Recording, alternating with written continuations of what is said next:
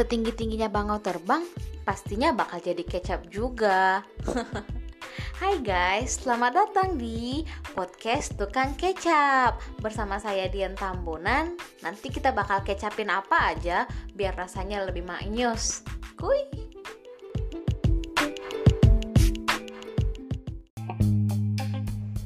Hai guys, apa kabar kalian semua?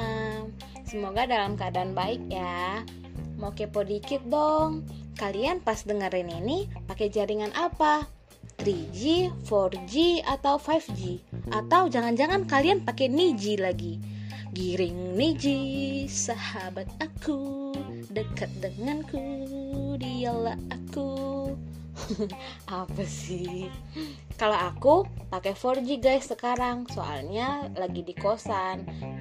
Kecuali kalau lagi di tempat umum, aku bakalan langsung koneksiin ke city wifi. Soalnya city wifi itu udah 5G guys. Udah kencang gratis lagi. Paling senang emang sama yang gratisan.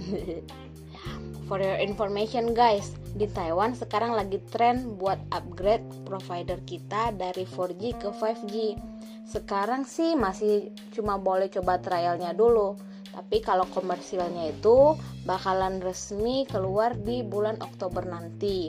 Dan paket 5G ini harganya hanya sekitar 300 sampai 350 ribuan untuk paket unlimited per bulannya.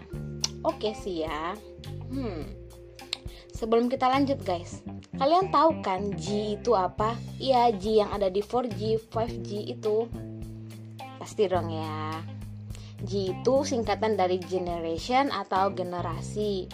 Setiap generasi pastinya bakalan selalu membawa frekuensi baru, kecepatan data yang lebih tinggi, atau teknologi transmisi terbaru. Pokoknya sesuatu yang lebih mutakhir lah, lebih canggih gitulah ya, gitu-gitu. Untuk 5G, 5 generation ini kecepatan maksimalnya diperkirakan mencapai 35,46 Gbps yang berarti 35 kali lebih kencang dari 4G yang kita pakai sekarang ini. Wadidaw, gak ada lagi ceritanya guys reconnecting kalau lagi nelpon WA. Apalagi yang selama ini sering video call, pasti seneng banget. Unc unc. Ayo, siapa yang selama ini suka suka video callan? Ngomong-ngomong soal 5G, belakangan ini ada hot issue loh dari negara tirai bambu dan negara paman Sam. Yoi guys, siapa lagi kalau bukan Amerika dan China. Dua negara ini ya, hampir nggak pernah nggak berselisih paham. Nyalain orang lain mulu, nggak pernah ada yang mau ngaku salah. Udah kayak drakor di kehidupan nyata aja. Jadi-jadi ceritanya pertengahan tahun lalu Amerika nge-blacklist Huawei dari negaranya. Udah lama sih mereka berputar-putar di masalah ini. Hmm, oke oke kita bahas dari awal aja deh. Semua ini berawal dari skandal robot jari. Ya sedikit informasi tentang robot jari. Robot jari ini fungsinya untuk mengetukkan jari ke layar telepon genggam yang dipakai di laboratorium robot jari ini masih dalam pengembangan sih. Jadi ada pegawai Huawei yang dituduh mencuri robot jari ini waktu dia mau meninggalkan laboratorium desain T-Mobile. Ya, T-Mobile ini perusahaan telekomunikasi dari Jerman. Memang waktu itu mereka lagi ada kerjasama dengan Huawei. Ya, walaupun ada kerjasama kan, tapi peraturannya nggak boleh dong ya bawa barang penelitian keluar dari lab Iya kan ya, di mana-mana gitu kan. Tapi si pegawai ini mengklaim kalau robot itu gak sengaja jatuh ke dalam tasnya. Seriously, gak sengaja jatuh ke dalam tasnya. T-Mobile gak percaya dong sama alasan ini dan langsung angkat kasus ini ke pengadilan. Usut punya usut, benar dong T-Mobile, si pegawai itu ternyata gak bertindak sendiri dan besar kemungkinan dia diperintah oleh eksekutif seniornya dia di Cina. Nah, di waktu berdekatan juga, Huawei tertuduh ada kerjasama dengan Iran. Diduga Meng, direktur keuangan Huawei yang juga anak perempuan dari pendiri Huawei ini, ada kerjasama dengan perusahaan telekomunikasi asing yang ada di Iran dan satu lagi induk perusahaan Iran ini yang ada di Mauritius. Dia didakwa menipu beberapa bank internasional untuk melakukan transaksi clearing dengan Iran. Ya, dengan mengklaim hubungan Huawei dan Skycom itu, perusahaan Iran itu loh. Hmm, ini termasuk ke syndicate payment sih, lumayan parah.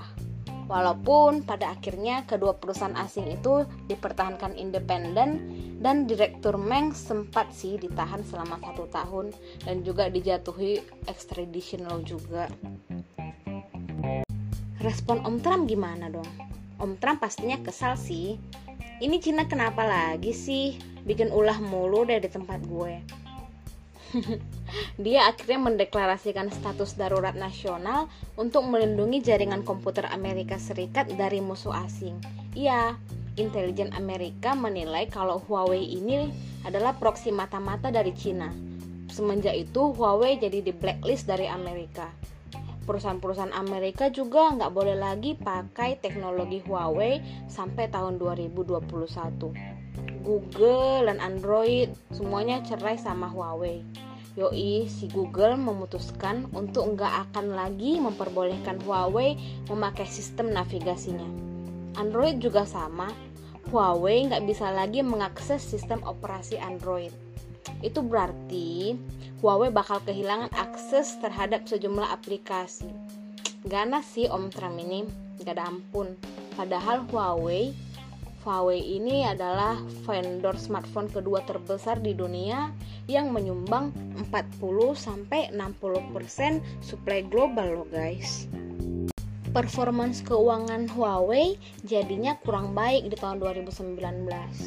Kabar baiknya, baru-baru ini Huawei angkat suara bahwa mereka udah ciptakan sistem operasinya sendiri, ya seperti Android dan iOS gitu, tapi namanya OS Semuanya baru dan mirip-mirip dengan Android, tapi tetap gak ada aplikasi bawaan kayak Gmail, Maps, Facebook, Play Store, atau bahkan YouTube di ponsel barunya Huawei ini.